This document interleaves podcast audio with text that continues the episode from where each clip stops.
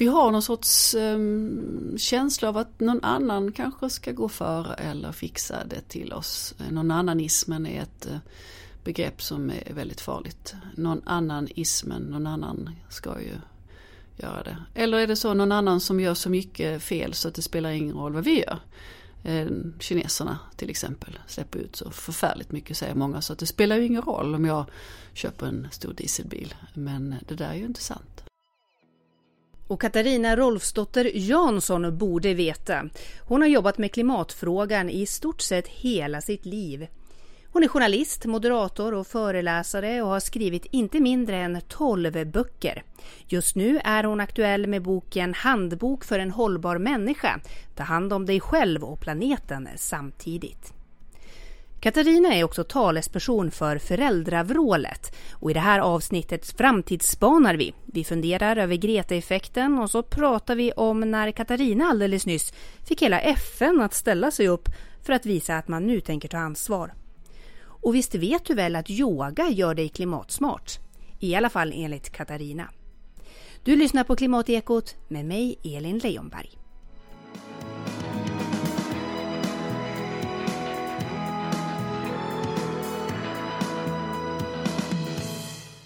Hej och välkommen! Tack så mycket! Du ska få börja med att drömma lite grann. Härligt! Eh, du föreläser ju ofta under rubriken eh, Framtidsspaning baklänges 2050. Så fick vi en hållbar värld. Det stämmer. Så hur ser Sverige ut 2050 om du får drömma? Mm, vilket härligt uppdrag.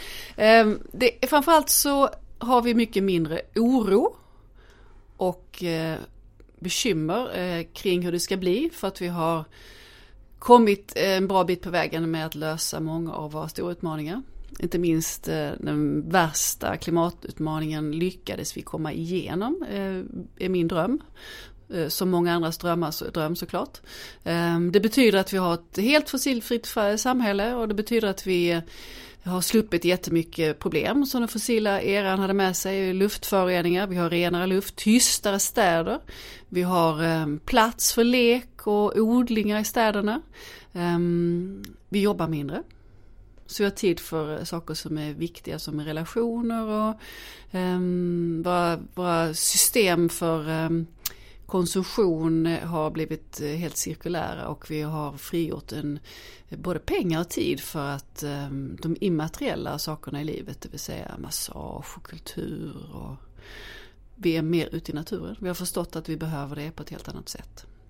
Ehm, vi har skapat ett samhälle som är mer diverse, alltså mycket mer mångfald. Vi har ehm, inkluderat betydligt bättre de människor som har kommit till vårt land eh, och sett rikedomen i det.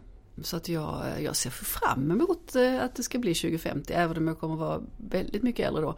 Men uh, förhoppningsvis fortfarande frisk och, och verksam med de viktiga saker som jag jobbar med tycker jag. Hur gjorde vi då för att komma till den här världen? Framförallt så blev vi bättre på att eh, prata om det vi behöver göra och det vi gör. Det ser jag som ett gigantiskt problem eh, i Sverige att vi har en tendens att ha lite för mycket jante.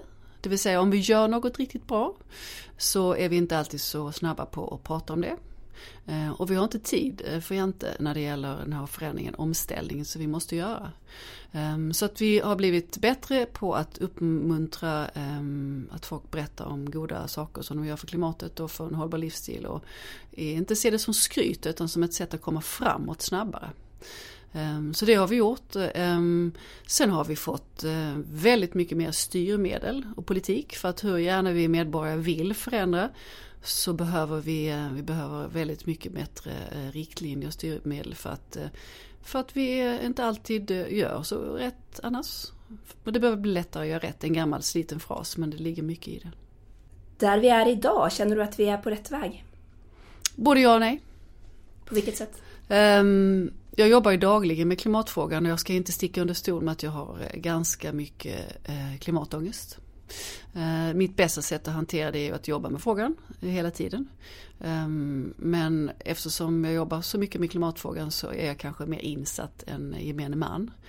Och det betyder ju att jag ser ju liksom det där fönstret stänga sig liksom sakta men säkert. Det där fönstret som någon sa nyligen, it's not a window of opportunity, it's a window of survival. Det är ju inget liksom, fönster för eh, våra möjligheter utan det är vårt överlevnadsfönster.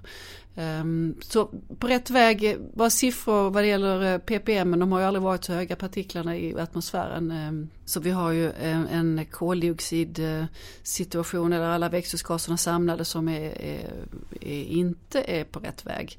Men samtidigt så ser jag de sista 68 månaderna att människor har börjat prata mer och agera mer. Vi ser att tågresandet ökar väldigt mycket, bara under hösten med 40 procent.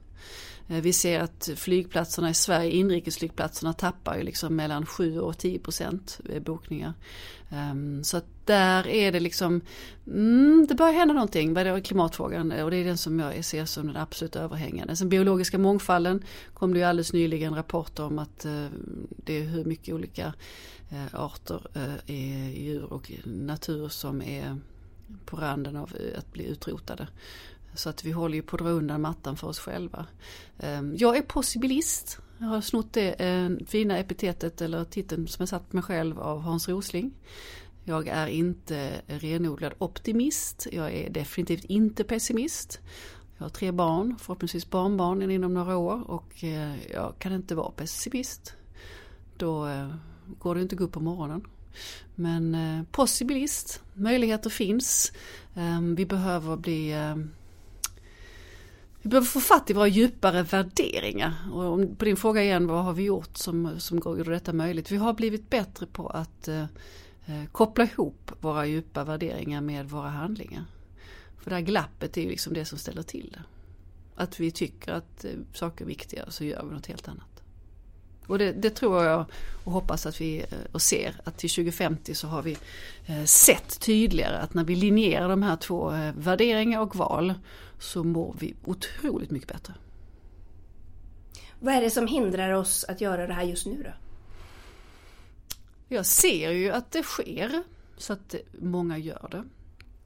Mm, återigen med tågbokningarna, där, där är ju individer som faktiskt Eh, gör de här valen fastän det är fortfarande dyrare i de flesta fall och mer komplicerat att boka tågresor.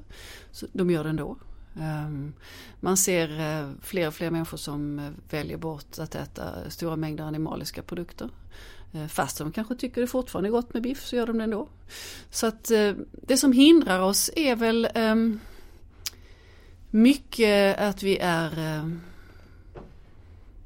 vi har någon sorts um, känsla av att någon annan kanske ska gå före eller fixa det till oss. Någon annanismen är ett uh, begrepp som är väldigt farligt. Någon annan ismen, någon annan ska ju göra det. Eller är det så någon annan som gör så mycket fel så att det spelar ingen roll vad vi gör.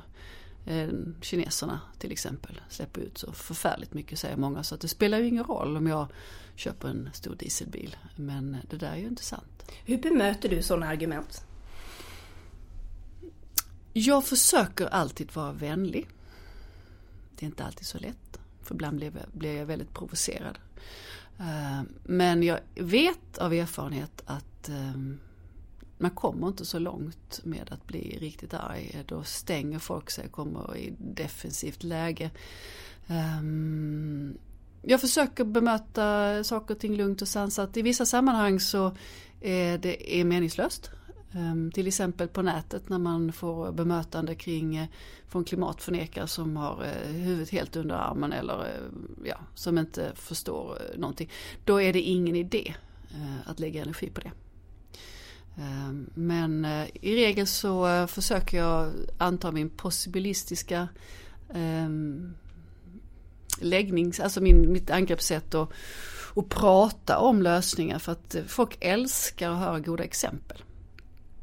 Och det ger ju också möjlighet att känna att det är kanske också så att jag kan förändra mig eftersom andra gör det. Det vet vi inom beteendevetenskapen att är det flera som förändrar sitt beteende, det är inte så mycket mer än 10% som behövs i en massa för att det ska tippa över och det ska bli ett beteende som anses vara spännande och normalt. Ehm, så att där någonstans börjar vi se att vi är. Ehm, och vi har väldigt mycket blickar på oss i Sverige från andra länder. Det har vi alltid haft. För vi är ett land av innovatörer, ingenjörer, vi är ett land med väldigt stark tillit till våra, våra mm, politiska system och institutioner. Så att länder i andra, alltså andra länder vet att eh, funkar det här så, så eh, vi kan testa mycket saker helt enkelt och få det att fungera. Så därför är vi viktiga. Vi kan liksom inte säga att vi är så små. Vi är bara 10 miljoner. Det spelar ingen roll vad vi gör. Men det gör det verkligen. Du har jobbat eh, med de här frågorna i 20 år. Ja, det räcker faktiskt inte riktigt. Lite drygt. Ehm, 86 började jag som journalist. Och då hade jag det här på min agenda, inte klimatfrågan för det visste vi inte om då. Vissa visste ju eh, redan på slutet av 70-talet men de stoppade ju undan den kunskapen eh, någonstans någon, långt bort. Eh, oljeindustrins, eh, det känner vi till, de visste ju om det redan då. Eh, men eh, jag började som journalist 86 och brann för miljöfrågor och eh, rättvisefrågor och insåg att det var svårt att vara anställd journalist i de tidningar jag jobbade för. Så att jag blev ju frilansjournalist redan 91 och försökte tappert skriva eh, så mycket som möjligt av de här frågorna då. Så vad blev det? 91, nu är vi, det är många år. Snart 30. Ja. Men hur skulle du säga då att eh, samhällsdebatten och attityderna har förändrats under den här tiden? Ja, den är inte helt lätt att svara på. Um, vi har haft lite eh, liksom, intervaller, liksom vissa, vissa perioder, eh, 89, 90, lite 88. Säldöden eh, som gjorde att Miljöpartiet kom in i riksdagen kan man väl förenklat säga det. Eh, där någonstans eh, var det ju väldigt mycket fokus på den e-, ekologiska hållbarheten. Vi började titta liksom på på när sälarna flöt i land, för er som är så unga som inte vet om vad jag pratar om, så var det ju mycket sälar som flöt i land på, på svenska kuster, massor med sälar. Och då bör man titta lite grann på liksom, ekologiska systemen och sårbarheten. Och, och då var det mycket prat om, om miljöfrågor. Ehm, samtidigt var 80-talet också väldigt mycket en, en, era där vi var väldigt mycket fokus på, på marknadskrafter, på liksom att släppa, allting skulle lösa sig bara liksom det fanns pengar i systemen så blev allting bra. Och, och det, så blev det ju inte. Um, så att uh, jag tycker väl att um, diskussionen har svängt väldigt mycket. Um, men uh, det som vi ser nu, mycket tack vare vår uh, fantastiska Greta, det är att det har ju kommit upp på eh, agendan för så många människor. Tack vare klimatets enorma överhängande fara som vi ser. Så börjar folk eh, se lite grann på hur saker och ting hänger ihop.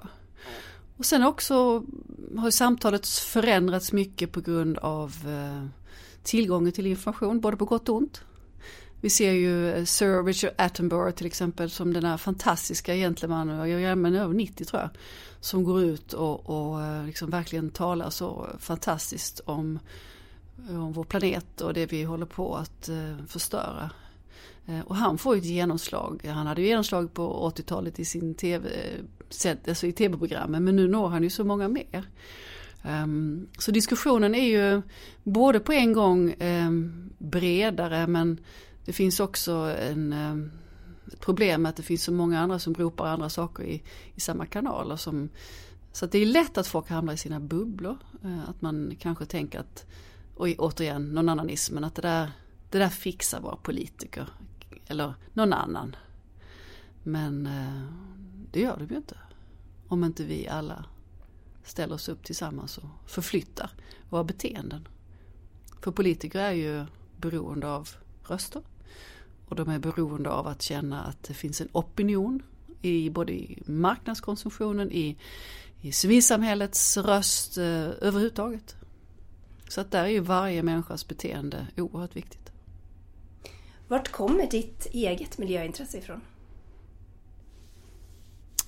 Jag hade en mormor som var eh, engagerad i individuell människohjälp eh, och jag hade en morfar som var aktiv i kyrkan. Så jag var ganska mycket hemma hos dem och de var liksom väldigt värderingstrygga på något sätt. Ehm, så var båda mina föräldrar lärare. Ehm, och jag hade ett stort engagemang, ett stort samhällsengagemang eh, för sina elever. Väldigt mycket eh, så, på olika sätt. Ehm, så jag kan väl säga att någonstans i den eh, brytpunkten där, vi var absolut inte fältbiologer eller eh, naturskyddsföreningsaktiva. Vi var liksom inte alls en sån familj som så att egentligen så, ingen annan i min familj har, har varit så ehm, vad ska man säga, miljöintresserad som jag är. Ehm, men jag kan inte minnas att jag har allt, jag, jag minns ingenting annat. Jag minns, jag minns mitt första minne av att jag var arg på miljöförstöringen var att jag sa till min pappa, det var kanske fem, att han hade bilen på tomgång. Och jag tyckte att det var extremt hemskt. För att det luktade och det gjorde ont när jag andades. Så att han, och jag har en fantastisk pappa, så att han stängde av motorn. Men det var mitt första minne av att jag kände att det här är någonting som inte stämmer. Men att du ens reflekterade över det då, som femåring? Ja, ja. Jag minns att jag gjorde det och att... Um, mm. Du är talesperson för Föräldravrålet också. Eh, berätta lite mer om vad Föräldravrålet är.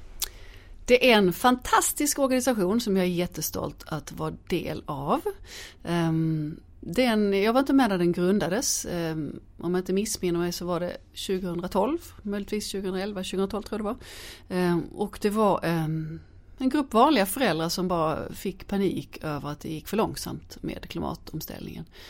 Ehm, så att organisationens ehm, motto är att vi vill vara barnens röst för klimatet.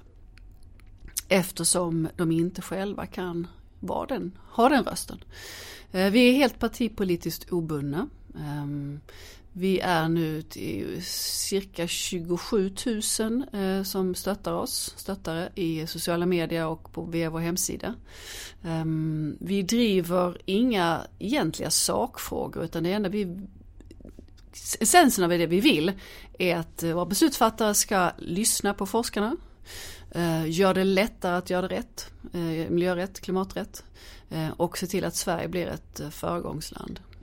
Så att vi, vi eh, påstår inte att vi är experter. Ehm, utan vi vill helt enkelt lyfta frågan och trycka på i så många kanaler vi kan. Och vi har en rätt så stark röst i, i eh, vi får tillträde till eh, runda bordsamtal med regeringen. Tillsammans med andra organisationer, miljöorganisationer så lyssnar de av, har gjort vid flertal tillfällen. Ehm, vad vi tycker och vi har varit väldigt engagerade i att eh, vi behöver ett konsumtionsmål för eh, klimatutsläppen. Och nu så har ju regeringen lagt det som ett, eh, alltså Naturvårdsverket utreder ju det nu. Vi ska sätta ett konsumtionsmål kopplat till klimatutsläppen. Så det är väldigt, känns skönt att det har gått en bit på den vägen i varje fall. Ehm, vi ordnar ehm, events på olika ställen i Sverige, after work senast nu för att liksom diskutera, lyfta de här frågorna. Vi skriver debattartiklar, eh, vi eh, har gett ut en antologi, en klimatantologi. Ehm, så vi försöker vara i så många eh, sammanhang som möjligt där vi kan just företräda barnen. Just det här med att ni vill att, vill att politikerna ska göra det lättare att göra rätt. Vad kan det handla om? Har du några exempel? En sån enkel sak som att det borde vara eh, mindre skillnad mellan eh, hur man transporterar sig eh, som är fossilt mer, alltså mer klimatsmart. Vi har ju ingen skatt internationellt på flyget. Det är ett beslut som fattades Eh, slutet på 40-talet i en så kallad Chicago-konventionen. Det är många som inte vet det. Men alla andra transportslag i världen har ju någon form av skatt eh, beroende på vilket land. Men eh, vi har ingen flyg, eh, alltså ingen, ingen, ingen transportskatt på, på flyget. Nu har vi fått eh, flygskatten som har varit lite Sverige hit och dit. Men eh, att göra det lättare att göra klimatsmarta val i vardagen, till exempel vad det gäller hur man förflyttar sig. Ju, skulle ju vara, eh, göra det mycket lättare för många att eh, fatta kloka beslut. Och nu är ju också, återigen på väg att regeringen har, har skjutit till eh, satsar på att göra det lättare att, att boka tåg eh, ute i Europa och eh, också förhoppningsvis, eller förlåt, att ska göra det lättare att, att kunna resa med snabbtåg ute i Europa. Um, och det är ju bråttom för oss att kunna göra det. Själv reser jag stort sett alltid med tåg. Ehm, det är väldigt sällan ehm, som jag inte gör det. Och det tar ju tid och det är knöligt och det är dyrare men det finns liksom inga andra alternativ. Ska jag iväg och jobba i Bryssel nu tre omgångar och då är det lite bökigt. Men det går.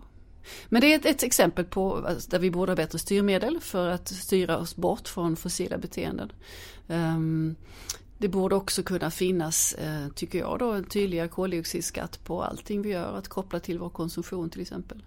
Tänk om vi bara slog ut, detta är inte föräldravåldsförslag, det är mitt, men eh, att man eh, vi vet hur mycket vi kan släppa ut innan vi, innan vi passerar 1,5 gradersmålet per capita i världen.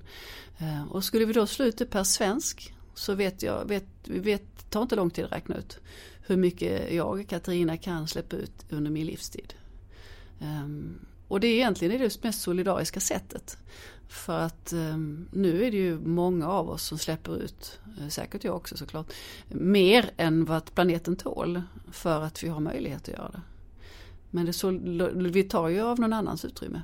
Våra barns utrymme och andra eh, mindre bemedlade mm, individer på andra ställen i världen. Vi tar ju av den, deras budget. Så tänk om vi hade ett kontokort där det pep om man hade övertrasserat. Det pratar jag gärna om när jag föreläser. Um, då hade det blivit uh, rättvist på riktigt. För nu är det svårt att ha gott om pengar och vara klimatsmart. För många tycker att det är jättesvårt. För att vad ska man, mångas eh, sätt att leva uh, ut sina, sin längtan i, för livskvalitet det är ju att resa eller konsumera. Och många svenskar har väldigt gott om pengar. Då är det inte så lätt att avstå från de saker som är på någon annans bekostnad. Man hör ganska ofta också argumentet att eh, utvecklingsländerna som nu är på väg upp, att det är egoistiskt av oss att förneka dem att göra samma resa som vi har gjort. Hur tänker du kring det? Mm. Eh, det är klart att eh, alla individer ska ha möjlighet att, eh, att höja sig ur fattigdom. Att få en annan levnadsstandard, det, är ju, det vore ju förfärligt att tycka någonting annat. Däremot så behöver ju utvecklingsländer, om man nu använder det, den terminologin, inte göra det på samma korkade sätt som vi har gjort. För vi har ju, vi har ju gjort eh, den här transitionen från från bondesamhället. Vi har ju bara dopat oss igenom hela processen med eh, fossila bränslen. Ehm, och det finns ju andra möjligheter nu. Ehm, sen, sen säger jag inte att det är lätt som en plätt. Men eh, det finns ju eh, länder eh, och regioner som faktiskt gör de här förändringarna men de gör dem fossilfritt. Och de gör det med cirkulära system, inte linjära och fossila. Så att ska vi lyckas få alla dessa miljarder människor som, som vi, vi, vi är ju väldigt många på planeten, Eh, att få en eh, högre levnadsstandard så kan vi ju inte göra det på det samma sätt som vi har gjort. Varför tror du att klimatfrågan inte är högre upp på agendan än vad den är? Det finns ju mycket forskning på det här. Eh, bland annat en av mina kollegor i föräldravården, Kajsa Kramming, som har gjort en doktorsavhandling på mycket ungdomars funderingar kopplingar till beteenden och klimat. Det är svårt för att det är ingenting som sker tillräckligt snabbt för vår, vår typ av hur vår hjärna är funtad att reagera på helt enkelt. Eh, man kan göra jämförelsen att det är som att lägga ner en eh, groda i, eh, och så låta vattnet långsamt koka upp. Det är en lite obehaglig liknelse för det är lite grann det vi håller på med, att hetta upp vår planet långsamt. Men vi, vi, det, det går liksom, det går inte riktigt att ta på. Och därför är det också lätt att negligera det. Men jag tror inte att det är en tillfällighet att efter sommarens, eh, sommaren 2018s eh, enorma värmebölja med alla dessa bränder så har eh, folks beteende börjat förändras. För helt plötsligt så kom det nära. Det var inte en översvämning i Bangladesh igen som vi knappt registrerar när det kommer på nyheterna. Och det var inte en, en, ett, eh, liksom en tropisk eh, storm i, eh, på andra sidan Atlanten, utan det var här. Um, så tyvärr så tror jag att det krävs att vi um, får det mer in på huden, bokstavligt talat. För att vi ska förstå att vi inte kan bara fortsätta med business as usual. Du har varit lite inne på det, men jag undrar ändå vilken makt och vilket inflytande kan ett nätverk som Föräldravrålet ha i den här frågan? Tittar man på Greta som ju kommer från andra hållet. Hon är ju, hon är ju en ung kvinna som, som ger sin generation sin röst. Men eh, hon vädjar ju till eh, väldigt mycket till vår liksom urinstinkt. Eh, det är svårt att låta bli att lyssna på henne. Det är därför hon får komma in överallt verkar det eh, som. Förutom den svenska riksdagen fick hon tydligen inte tala i. Ehm, men det är ju någonting eh, så omedelbart kopplat till vår, ehm, vår instinkt av eh, familj, överlevnad. Eh, ehm, och där tror jag att vi eh, som föräldravårdare kan ehm, liksom passera mycket intellektet och den där liksom bekvämligheten och någon annanism-tänket. Att vi kan liksom kroka tag i den här djupa värderingen att det är klart som tusan att jag vill att mina barn och andras barn och barnbarn ska överleva. Där tror jag att vi kan nå in. Ehm, och där ser jag vår, vår unika kraft. Um, att vi kan verkligen hitta den, liksom den, den ömma punkten. Ni har också initierat eh, ett internationellt nätverk kring det här. Berätta mer om det. Mm, det stämmer. Det heter Our Kids Climate, Våra barns klimat på engelska. Och eh, min föräldravåldskollega Frida Berry Eklund som är en helt fantastisk eh, klimatkämpe. Ehm, det var hennes idé från början. Ehm, hon hade jobbat internationellt utifrån eh, en organisation i Storbritannien och hade ett fantastiskt klimatkontaktnätverk. Ehm, så inför eh, COP i Paris så koppen där så sa hon att vi, varför ska vi inte bara helt enkelt se till att vi kopplar ihop oss med andra organisationer i världen som också har eh, vårt perspektiv, alltså det vill säga barnens perspektiv. Så vi identifierade åtta andra organisationer. Eh, det var eh, Eh, Grand-parents pour le climat, det är liksom eh, morföräldrar för klimatet. Eh, I, och det var Mothers for Clean Air, de kunde inte prata om klimatet i Utah för det var problematiskt så de pratade om Clean Air, fick gå bakvägen därigenom.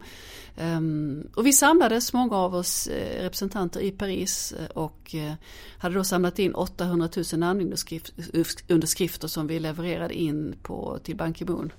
Och han tackade i sitt tal efter Parisavtalet föräldrarna för sitt engagemang. Så det var väldigt stort för oss. Eh, Kiss Climate ehm, har nu gått in i en annan fas. Vi hade en uh, relansering i FN den 11 april. Ehm, där vi nu har knutit till oss eh, ännu fler organisationer. Ehm, vi hoppas på att få pengar så att vi kan utveckla vårt arbete. Det är ju ideellt allt vi gör. Eh, och det kräver eh, att vi sitter, att några sitter liksom på olika ställen i världen och verkligen driver det här arbetet för att det ska liksom växla upp. Det ser lovande ut. Ehm, och eh, nu har vi kopplat ihop oss med alla de som har startat på olika ställen i världen som heter Parents for Future som är Facebook globalt kopplat. Ehm, så den här organisationen ehm, har jättespännande saker på gång.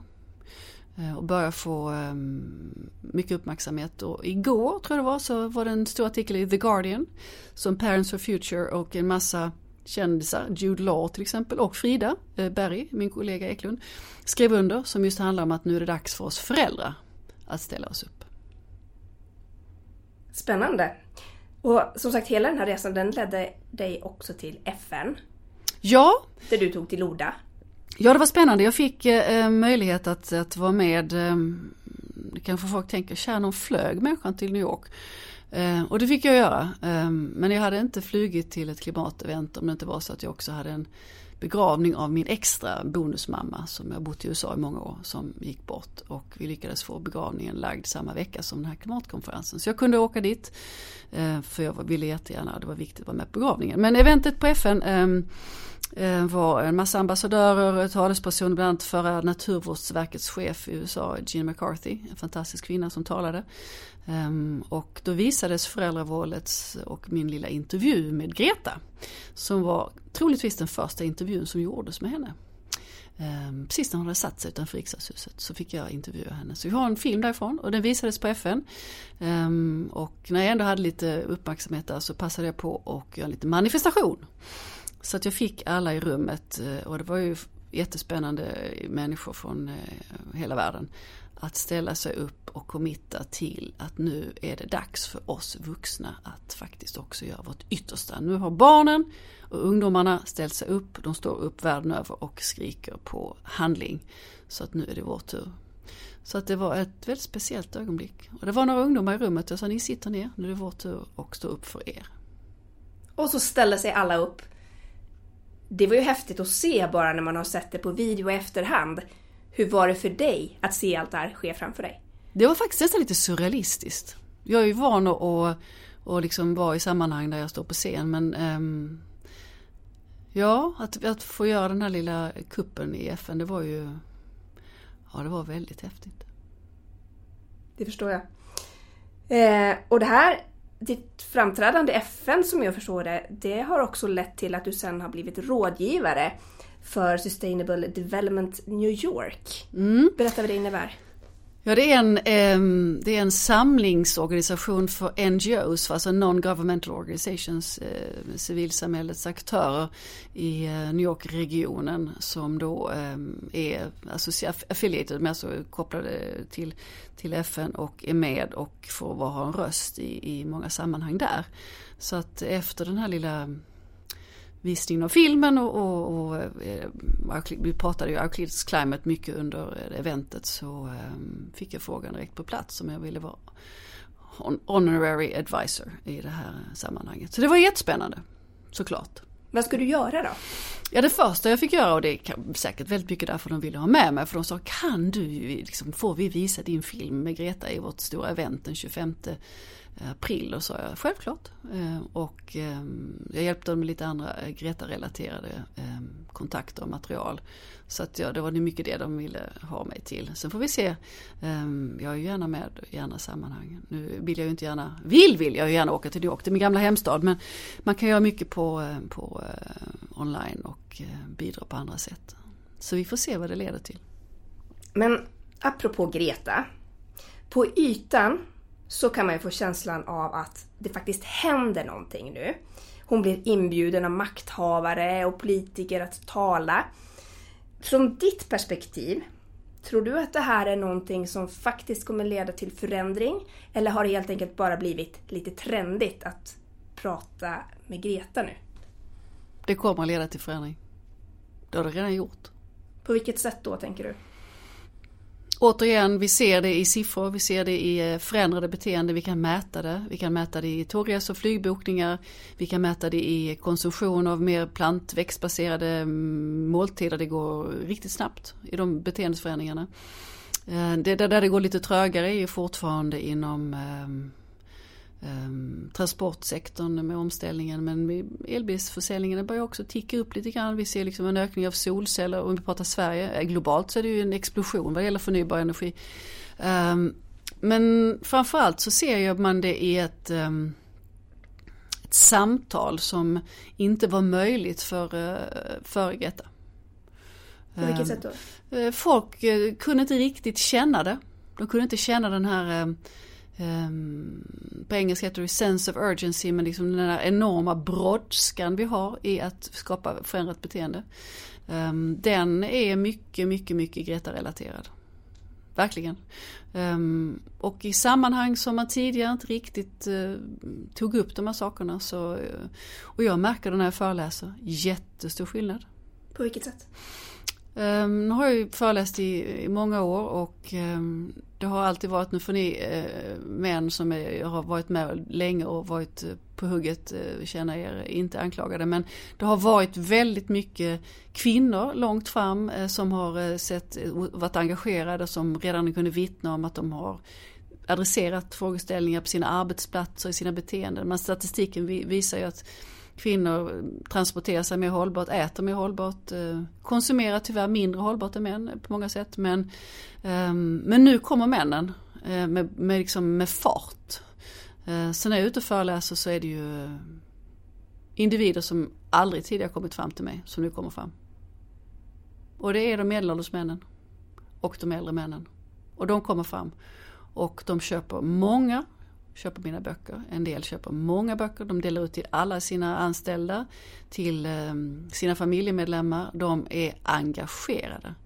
Och eh, jag kan säga att det handlar väldigt mycket om att Greta har liksom flyttat på någon liten spärr där. Så att det känns på ett annat sätt. Så jag, ehm, jag menar jag kontakt online med mina eh, bonussystrar i USA, deras döttrar och söner som är liksom i Gretas ålder, de är bara You have met Greta! Du har träffat Greta, liksom, hon är ju, alltså alla vet ju vem hon är. Och det hon står för. Och hon pratar ju liksom rakt på. Det finns ju liksom ingen tvekan om att det hon säger går rakt igenom. Tror du att det kommer hålla i sig? Ja, så det är ju nu det är inte bara hon. Nu har vi Jamie Margolin till exempel. Fantastisk äh, amerikansk ung kvinna som har hon har ju varit igång längre än Greta. Um, stämt amerikanska staten, gör vissa ungdomsorganisationer, uh, har en ungdomsorganisation gjort. Vi ser ju uh, mycket unga tjejer som liksom drar i de här stora frågorna och uh, de påverkar ju i sin lokala kontext på ett väldigt kraftfullt sätt. Um, Extinction Rebellion, hela den, den, den rörelsen. Um, där är ju, det är ju inte bara ungdomar. Där liksom, det har ju spridits en fantastisk film på, på nätet med någon 82-årig farbror som liksom låg ner på någon bro i London och bara sa att det här liksom, det är klart jag måste göra det. Det finns liksom ingen tvekan. Jag har ju, de som kommer efter mig, de, vad ska, det är klart att jag måste göra det. Så att jag, jag tycker att vi har kommit närmare någon, någon liksom rå känsla där inne som liksom, som är, som Greta liksom flyttat lite på förlåten så släppt in känslorna. Du har nyligen skrivit en bok också. Eh, eller en av många böcker, men den senaste, En handbok för en hållbar människa. Och där kopplar du yoga till att vara klimatsmart. Hur då? Mm. Ja, inte bara klimatsmart utan hållbar för, för liksom helheten. Men klimatet är ju det som ligger längst upp, du har helt rätt. Um, jag skrev den boken, det är min tolfte bok, jag skrev den för att, eller på grund av att mina yogaelever, jag har undervisat i yoga i eh, 15 år. Um, för att mina elever eh, uppmuntrade mig till att göra det. För att de kom till mig och berättade att de hade blivit liksom mer hållbara i sina beteenden. Allt från vilken mat de valde till hur de eh, agerade i sina, sina relationer, till hur de eh, shoppade. Eh, och eftersom jag själv hade känt de här sakerna så tydligt att när jag blev mer grundad i mig själv, när jag hade mer kontakt med mina känslor och var mindre stressad. Så kunde jag ju liksom besinna mig i situationer som tidigare kanske jag hade fattat ohållbara val. Ett exempel. Eh, ofta när jag föreläser kommer jag in och så exempel så kan jag befinna mig på någon sån eh, kedjebutik, jag behöver inte säga något namn, men någon, någon av de stora klädbutikerna. Så kan jag se att jag står och håller i någonting som att, oh, jag kanske skulle ha den här halsduken. Eh, men nu kan jag ju liksom hitta mig själv i den där stunden och komma på att men, nu är det något gammalt beteende som skvalpar omkring här. Jag kan ta några djupa andetag, bli mer närvarande i mina värderingar och inse att A. Jag har antagligen likadan hemma redan. B. Eh, om jag måste ha en sån så kanske jag kan hitta den på Röda Korsets butik. Eller eh, överhuvudtaget inte köpa den alls. Eh, och det här liksom är bara ett litet exempel. Men jag ser ju att vi måste eh, hitta våra djupa värderingar och det, det, kan vi inte om vi bara skuttar omkring och, och bara eh, följer John. Utan vi behöver hitta stunder för reflektion. Och där är yogan väldigt eh, kraftfull. Um, och det kan vara fysisk yoga som man avslutar med djupare meditation när man liksom kommer ner i sin egen eh, i sig själv eh, på ett djupare plan. Och då har man inte samma behov av att trösta sig själv. För många av våra ohållbara beteenden är ju just ett tröstbeteende eller en flykt. Vi mår inte riktigt bra i själen och så shoppar vi någonting eh, onödigt. Eller så har vi lite tråkigt i vår relation eller bara största allmänhet är lite otillfredsställda över vad vi gör. Så bokar vi en eh, weekendtrip till London. Jag säger inte att det är tråkigt i London men, men alltså beteendet grundas mycket i en sorts obalans i vår relation till oss själva. Ehm, så därför skrev jag boken, för att mina elever gav så mycket vittnesbörd om att eh, yogan hjälpte dem. Vad har yogan haft för plats i ditt liv? Yogan är helt avgörande för att jag ska klara det, eh, det tempo jag håller. Um, jag reser väldigt mycket runt i landet och även en del utomlands och föreläser och modererar. Uh, det är slitsamt att sitta och sova eller ligga på tåg och försöka sova och skumpa runt och, och möta mycket människor. Det är också väldigt givande. Men ehm, um, yogan är en, eh, en förutsättning för att jag ska orka. Um, och uh, de här mikropauserna som jag kan liksom hitta, jag kallar dem för Cali moments, kalibreringsmoment. Jag kalibrerar mig själv lite grann. Det kan liksom vara att jag bara tittar ut på ett träd när jag åker tåg och bara tar en djup andetag. Och så hittar jag liksom lite mer tillbaks till vad som är jag.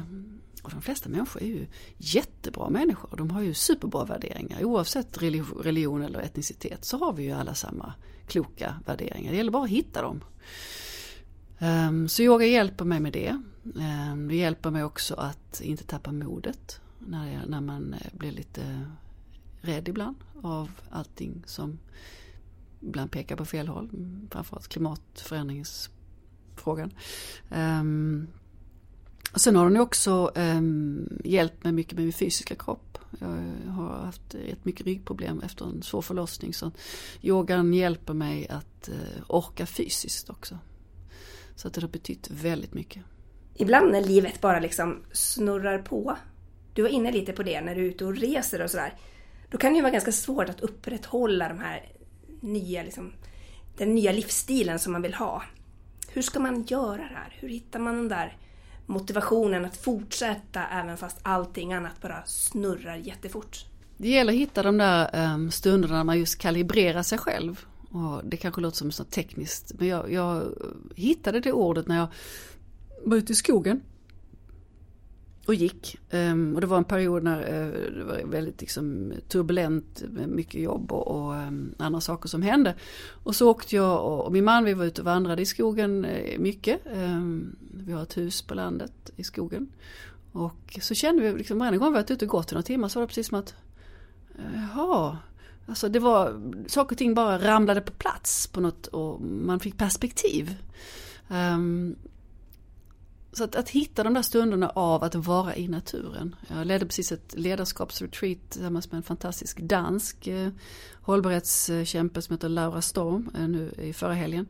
Eh, I naturen. Och då var vi ute i, eh, i skogen och bodde, vi bodde inte utomhus men det var husen där vi bodde låg i skogen. Ehm, och just jobbade med naturen som, som en, en, liksom en, en, facilitator för att kunna bli mer hållbara både inåt och utåt. Så att använd naturen. Ehm, har du ingen skog, gå till en park. Har du ingen park, titta på närmsta busk eller träd. Och bara ta några djupa andetag och liksom bara återknyt till den här balansen som vi faktiskt har. Ehm, i naturen som någon sorts eh, stabilisator, kal, kal, kal, kalibreringsmöjlighet. Eh, så det är ju andningen, det är ju det som är nyckeln. Och är man superstressad så kan det vara svårt att hitta den där djupa andningen. Men ju oftare man tränar på den, eh, att andas liksom djupt nerifrån bäckenet och in och ut genom näsan och låta mag och bröstkorg expandera ut från kroppen på inandning och tillbaka in mot kroppen mot ut, på utandning så man riktigt tömmer Eh, lungorna. Det är ju otroligt välgörande och dokumenterat vetenskapligt att det funkar på att dra ner våra, eh, våra stresssystem, våra larm i kroppen. Ehm, och det är ju det här stresspåslaget och larmen som gör att vi ibland blir liksom så stirriga så vi glömmer bort vad vi egentligen vill och tycker. Så mer andning, mer natur. Vad skulle du säga krävs då när man ska göra de här livsstilsförändringarna? Jag kanske repeterar mer natur och mer andning. ja, det är faktiskt inget skämt. Eh, jag, eh, jag ser ju att eh, livsstilsförändringar, alltså man brukar säga två, tre veckor, sen har man kommit in i vana. Sen är det oftast ganska oproblematiskt. Det är allt från att sluta med socker till nikotin till att, till att börja cykla istället för att ta bilen. Det är ju bara en, liksom en, en liksom avvänjningsdetoxing som man ska igenom. Um, det fungerade olika för olika människor. En del är jättebra på att skriva ner liksom sina målsättningar och, och ha någon sorts strategi liksom i skrift. Um, för en del handlar det mer om att man måste sätta, liksom, mäta saker. Jag är absolut inte, eh, funkar inte alls för mig. Siffror och mätningar, jag är bara helt stressad av det. Ehm, men en del vill ju mäta liksom, hur många steg har jag gått, hur mycket kalorier har jag förbränt mer nu när jag cyklar till jobbet. Vad som funkar, gör det. Men det kanske det gäller att hitta sin väg för den är väldigt individuell. Men så länge man får med andningen och naturen så, för den, den behöver vi alla för vi är, vi är liksom biologiska varelser. Så att även om du gillar att mäta eller skriva eller eh, liksom prata med andra om dina mål och val så eh, behöver du eh, natur och andning. Du bor ju i Skåne och nu är du i Umeå och du har åkt tåg hit. Eh, 120 mil. Mm. Hur tänker du kring det här eh, tåg kontra flyg? Ja, man vet ju att en resa mellan Malmö och Stockholm eh, med flyg motsvarar 50 000 tågresor i koldioxidekvivalenter. En kontra 50 000. Det är ganska stor skillnad. Um, sen kan man då anföra att, uh, som många gör, att flyget står bara för mellan 2 och 5 procent av de globala utsläppen. Men i, och tittar vi på de svenska, alltså vi svenskars utsläpp, hur mycket vi släpper ut från flyget så är det jättemycket som vi släpper ut. Eh, och vem är vi att tycka sig att, att det spelar ingen roll att vi tar ner, det, det är saker vi faktiskt kan påverka de flesta av oss. Ehm, eh, det är svårare för vissa eh, som befinner sig, men bor man i Umeå så är det tuffare att ta sig till Bryssel med tåg. Men det finns ju de som gör det och det går att göra. Det handlar väldigt mycket om hur man ser på tid. Och i den, eh, i den eh, analysen så ligger ju också någon form av acceptans av att saker och ting behöver inte gå så förbannat snabbt. Alltid. Ehm, jag sov på tåget upp nu går jag i Göteborg innan så jag fick åka den vägen. Ehm, men jag var där och föreläste men jag sov från Stockholm till Umeå. Ehm, så har jag varit i Umeå idag. Och som någon timme eller två så åker jag hem. Ehm, kommer till Stockholm på morgonen, äter lite frukost, har en knapp timme där. Och sen är jag tillbaks klockan 12 i, Malmö. Och då kan jag ju om jag vill sova, slumra mellan eh, Stockholm och Malmö de fyra timmarna. Eller så kan jag jobba. Eller läsa en bok. Jag brukar göra ett mycket gympa på tåget också. Det tycker folk är jätteroligt. Jag har ju lagt ut såna lite som en eh, video på, på sociala medier där jag gör tåggympa. Jag ser inte klok ut. Det bryr mig inte om. Men man kan inte sitta så länge utan att röra på sig. Så att jag gör lite squats i, där ute mellan vagnarna och armhävningar mot någon, eh, räcke och så. Skojar, skojar till lite. För det är ett problem att sitta så länge som man gör när man åker tåg så är det ju väldigt mycket stillasittande. Så det kan man lösa. Ehm, så eh, blir omgivningen lite glad också.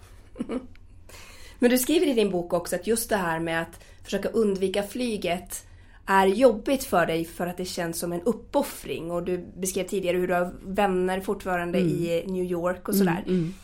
Hur, eh, hur tänker du kring den där uppoffringen? Får du aldrig mer flyga eller hur, hur ska du se på det där? Um, jag tror att det är svårt att vara allt för aldrig mer i, liksom i sitt liv. Jag säger aldrig mer, aldrig mer till. Vissa saker får man ju såklart säga det till men, men eh, min inställning är att flyga så otroligt lite som någonsin jag, jag, jag, kan. Nu blev det ju en flygresa till New York för jag ville absolut gå på min extra mammas begravning och eh, det gick att kombinera med det här mötet på FN. Um, ehm, I övrigt så um, så, så, så flyger jag ju inte. Ehm, och det är ju knepigt. Det är inte alls sant faktiskt. I sommar måste jag också flyga en gång. Mellan Visby och Oslo. För det är också en sån, det är en eh, familjemedlem som gifter sig. Utanför Oslo. Och jag står och leder hållbarhetssaker ehm, eh, i Almedalen. Mm. Ehm, och då hade jag redan bokat upp alla mina åtaganden i Almedalen när bröllopsinvitationen kom. Då flyger jag ett håll så åker jag tåg på andra hållet. Problemet är också med, med flyg kontra andra transporter att ska du till Almedalen till exempel så alternativet är ju färja. Och nu kommer det ju nya, inte så roliga siffror på hur vår färjetrafik, båttransporterna är ju inte alls, det visste jag i och för sig innan, eh, de är inte bra för klimatet de heller. Så det där är svårt. Eh, vi ser att många klimatforskare flyger ju jättemycket. Um, och det är ju totalt paradoxalt. Um, att göra det. Um, det kommer insikt också, men de menar på att vi behöver eh, transporteras runt för att uh, sprida och forskning och diskutera och med på, på konferenser. Men uh, jag ser också möjligheter att, och det gör vi ju, jag är engagerad i något som heter We Don't Have Time och vi kör ju klimatkonferenser via verktyg som Zoom. Där forskare inte behöver flyga. Ehm, så svar på din fråga, uppoffring. Alltså det är en större uppoffring för mig att tänka på att mina barnbarn inte ska ha liksom en värdig framtid för att vi kommer ha för varmt, eh, för mycket eh, tropiska sjukdomar som kan komma uppåt genom fästingar. Vi kommer ha enorm flyktingtryck på norra Europa på grund av temperaturhöjningar kring Sub-Sahara.